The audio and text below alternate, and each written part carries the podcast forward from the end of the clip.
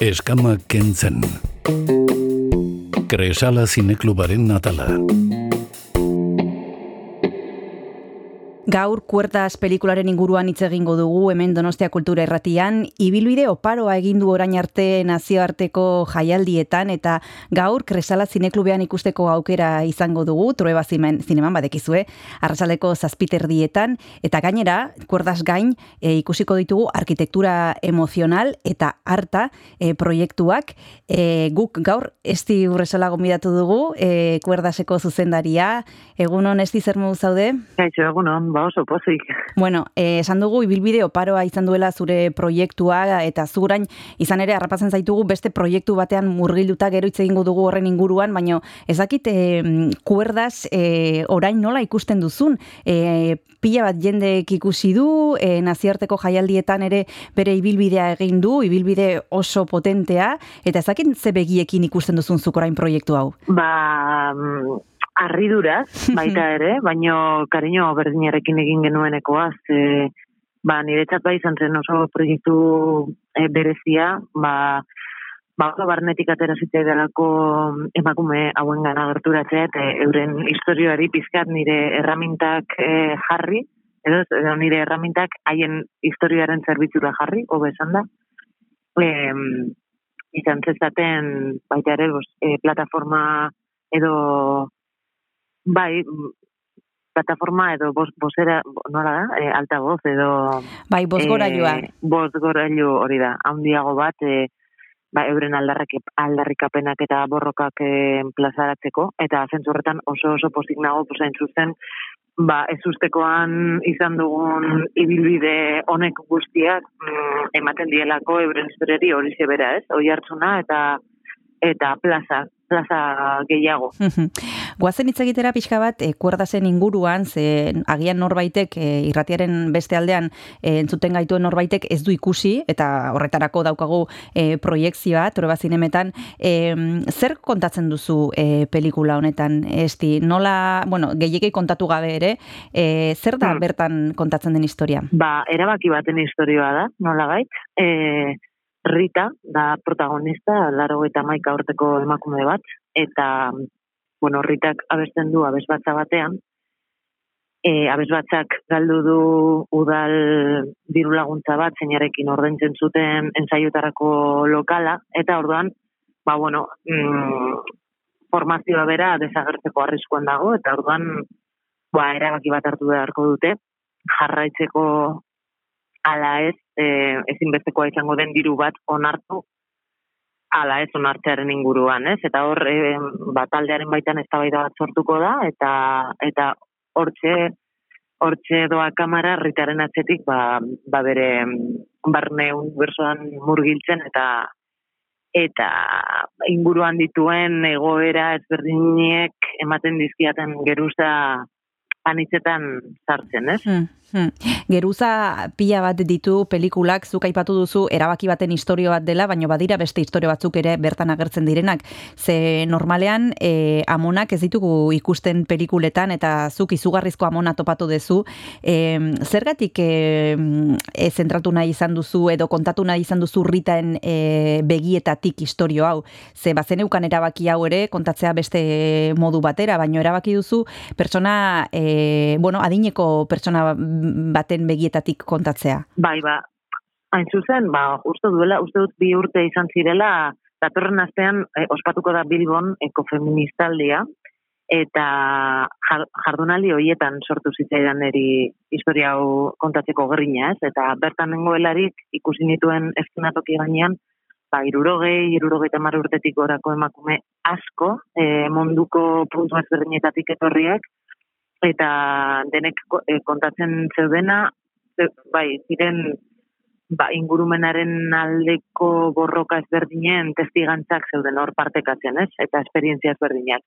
Eta niri, ba, irudi horrek, e, pilo bat, e, hartu ninduen, ez? E, e, ze, ba, ziren gehiengoa, zen, ba, hori, adin Ba, hori, irurogeta mar urtetik gorako makumeak, oraindik borrokan e, euren komunitateetan eta auzoetan eta erreferente moduan e, konsideratuak zirenak, mundu mailan zebitzatenak, divulgazio lan ikaragarrezko bat egiten, eta irudi hori uste dut ez dela, edo nik behintzat sentitu nuen norabait irudi berri baten aurrean nengoela, ez? E, ez dela e, ez delako zizitzen, baizik eta ez delako kontatzen edo irudikatzen e, gure imaginarioan, pues, zinema, e, zinema pantaietan, ikusentzunezkoan oroar. Orduan, ba, horri ere altagoza eman nahi nion, ez? Eta, eta irudikatu, ba, askotan ikusten ez ditugun profilak edo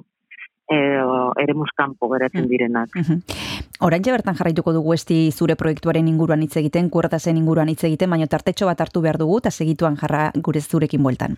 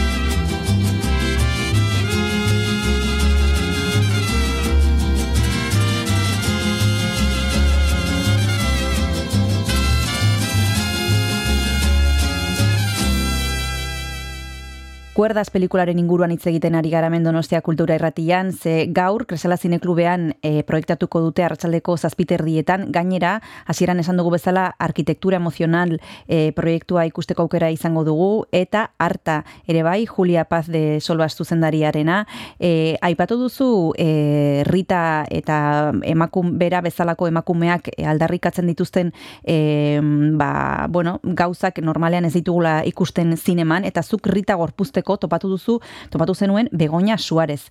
Ez da aktore profesionala, baina izugarrizko papera egiten du, eta izan ere, e, sariak ere jaso ditu lan honengatik, e, nola aurkitu zenuen emakume hau? Bai, ba, jardunaldi hau eta egon ostean, ez, ba, jarri nintzen kontaktuan, bertan, parte hartu zuen Zara Ibañez e, muskizko e, ediku erretiratua zena, ordurako, eta berarekin bera kontatu zuen zonalde horretako e, problematika, eta eta jarri nintzen berarekin harremanetan, sakontzen joateko, eta berak jarri ninduen harremanetan zonaldeko pertsona askorekin, eta zinuen e, dokumentazio fase bat, elkarrizketa asko eginez, eta, eta ikusten, poste punturaino, ba, labur metraian plazaratu nahi izan dudan ez da, mm, komunidade hori e, zeharkatzen duen, ez? Eta orduan, ba, elkarrizketa derrigorrezko bat zen, e, muskizen e, mehatxaldea bizirik deituriko plataformaren presidente ari elkarrizketa egitea, ez? Uh derrigorrezkoa egiten uh zitzaidan eta presidenta zen Begoña Suarez. presidenta honorifika, esan bezala, laro eta maiz aurteitu gaur egun, eta orduan egin, egin izan du bere bidea, eta oso interesgarria zen ere bai, ze adin horrekin berak ezagutu zuen e, paisaiura, e, oraindik refineria ura berten instalatu baino lehen, eh? Orduan berak bizi izan du e, ba, bueno, eraldaketa eta transformazio sozial eta industrial hori guztia eta e, elkarrizketatu nahi izan nuen, horregatik, baina, egia da, sortzen hasi zela, hor, nola baiteko harreman bat, e, pertsonalki oso polita izan zena, eta eta konfidantza eman zidana, e, ba, proposamen zoro hau egiteko. eta e, ak, behin aktorea e, topatuta eta ikusita Begoña Suarez hasieran e, zuk etzenuen aurre ikusten bera izango zela, baina azkenean bera e, rita izan da. Zer izan, zer suertatu zitzaizun e, momentu hartan e, zailena e, historio guzti hau kontatzeko momentuan e, ezakit gidoia bera, e, gero e, rodajea, ezakit egondu da momenturen bat non zailtasun bereziren bat izan duzuen? Ba, claro, e, gero, labur metraia behin ikusita, baten du oso sumea eta baino egia da, e, ba, bueno, labur metraian irudikatzen dudan abez batza, ez da bere osotasunean benetazko abez batza bat, e, bi talde kosatzen dute, alde batetik muskizko juego de dama zantzerkitar taldea, eta bestetik e, zanpuentezko emakumen abez batza behar nuen oso talde handi bat, ez? Ez da horretan, ba, ahots asko egon zitezen, eta baita ere, ba, bueno, mm, bueno, arrazo dizen baite gatik, eta orduan bi talde ezberdin batu behar izan dituen, orduan karo konturatu nintzen ere, behar nuela euren arteko harreman hori sortzea, eta horrek denbora eskatzen zuela. Konturatu nintzen be, ba, bueno, ni ba, ba zego, antzerkitaldekoek e, ez zeudela bestera ohituta, eta orduan, e, labur metraian abesten diren abestiak ere ensaiatzeko denbora bat hartu behar genuela, eta, bueno, azkenean, ensaiu prozesu guztiek bi hilabete eta erdi hartu, hartu zuten, eta labur metrai baterako hori denbora asko da.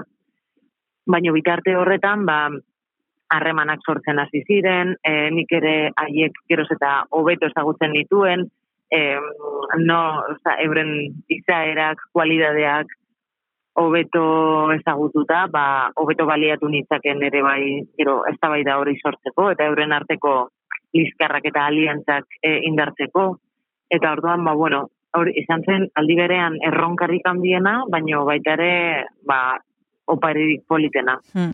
Izan ere, nik ezakit e, zinemaren munduan nola ibiltzen zareten, baino beste arloetan, e, eta pentsatzen dut zuenean ere, e, denbora da, e, daukazuen eta daukagun e, altxorrik handiena, ez? Horrelako proiektu bat, e, nun bi hilabete dituzun e, bertsonaiekin lantzeko e, ez da ohikoa eta gero emaitzan nabaritzen dela ematen du, ez? Esti, zer, ze, horrela gustatzen zaizu lan egitea, edo horrela nahiko zenuke lan egin denborarekin, hainbeste denborarekin? Ba, nik uste dut e, hori dela, oza, nire aurreko lanetan eta eta datozenetan ere, ba, aktoren zuzen da, igual gehien disfrutatzen dudan edo gehien interesatzen zaidan alorra eta eta egia da denborarekin eta alde zabretik landutako dena gero errodajean e, urrea dela, Mhm. ez? E, badago gure arteko historiko bat, osea, ni eta aktoren et, arteko historiko bat, e, e, bere oso baliagarriak izaten zezkigu bat, igual aurretik hitz egindako ideiak, hausnarketak edo ondorioak ge- gero zuzenago joateko e, ba, igual estena bat planteatzen zaudenean eta funtzionatzen ez duenean mm, irten bideoiek eh, topatu ahal izateko, ez? Geroz eta bai, komunikaziorik handiena de- desiragarria da izatea eta ensaioak niretzat dira bai, e, funtsezkoak. Bigarren tartetxoa hartu behar dugu eta segituan itzuliko gara Donostia Kultura Irratian esti urresolarekin hitz egiten.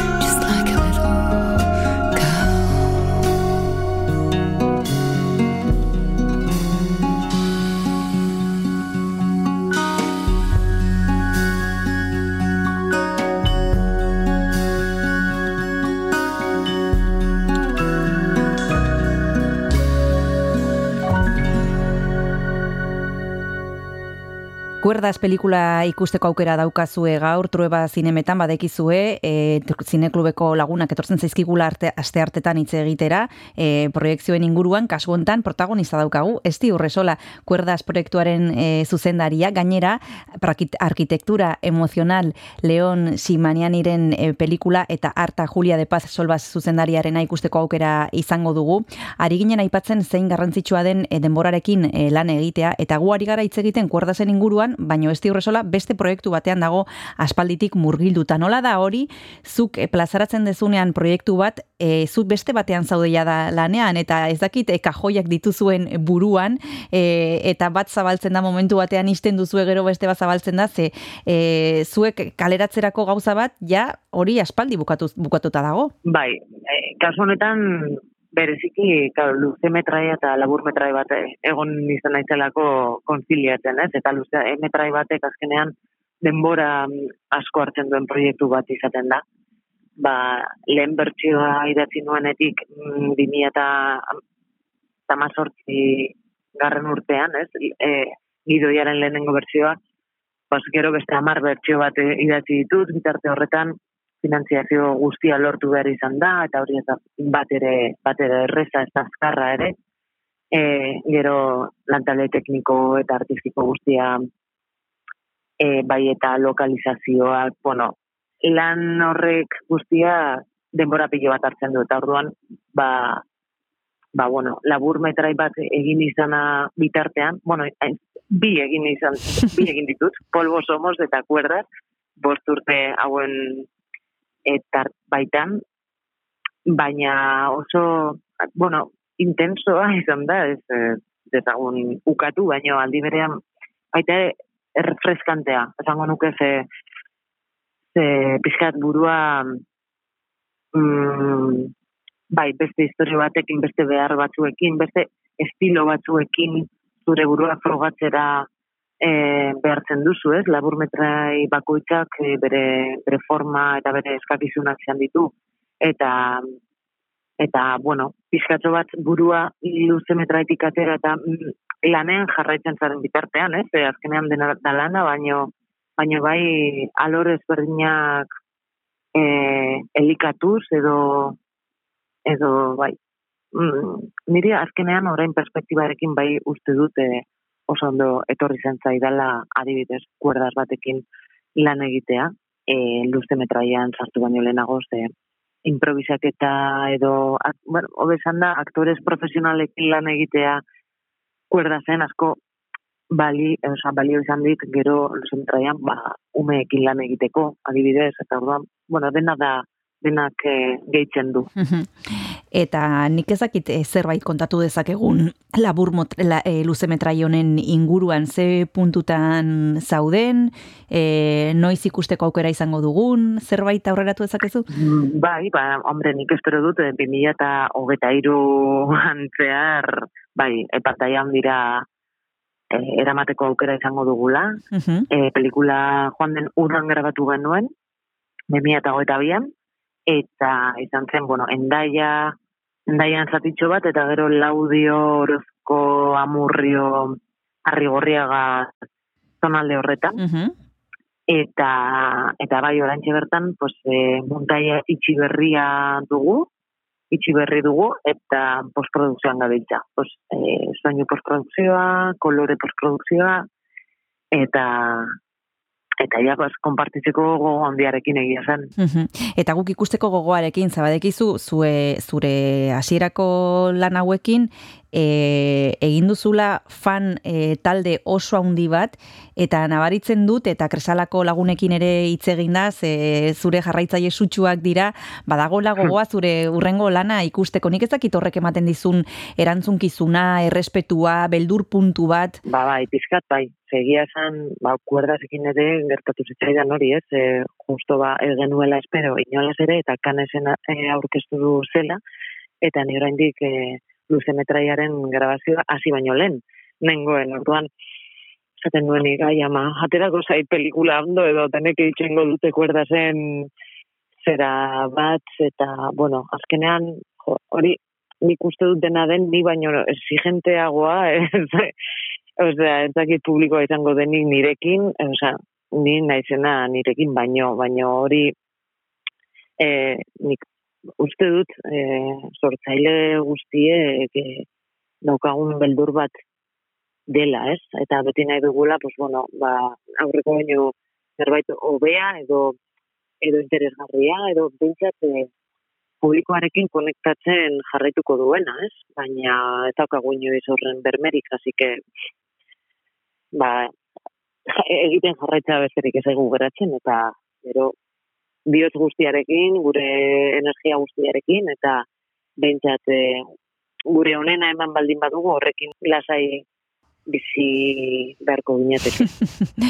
Horixe, ba, bueno, zure urrengo proiektuaren zain geldituko gara, 20.000 espezies de abejas, dena den, e, norbaitek ez balu ikusi kuerdaz, e, gonbidatzen diogu, ze aukera dauka ikusteko proiektua eta oso oso ederra da, e, zinemaldiaren bueltan berarekin hitz egiteko aukera izan genuen, eta han ere gomendatu genuen, ze e, guri e, pelikula pila bat gustatu zitzaigun, eta norbaitek ez badu ikusi, beste aukera bat dauka, eta esan bezala jarraituko dugu e, bere esti urresolaren ibilbidea, hemen Donostia Kultura Irratian eskerrik asko esti hurbiltzeagatik e, gurera eta zorte on besarkada bat. Mi esker zuei, besarkada bat.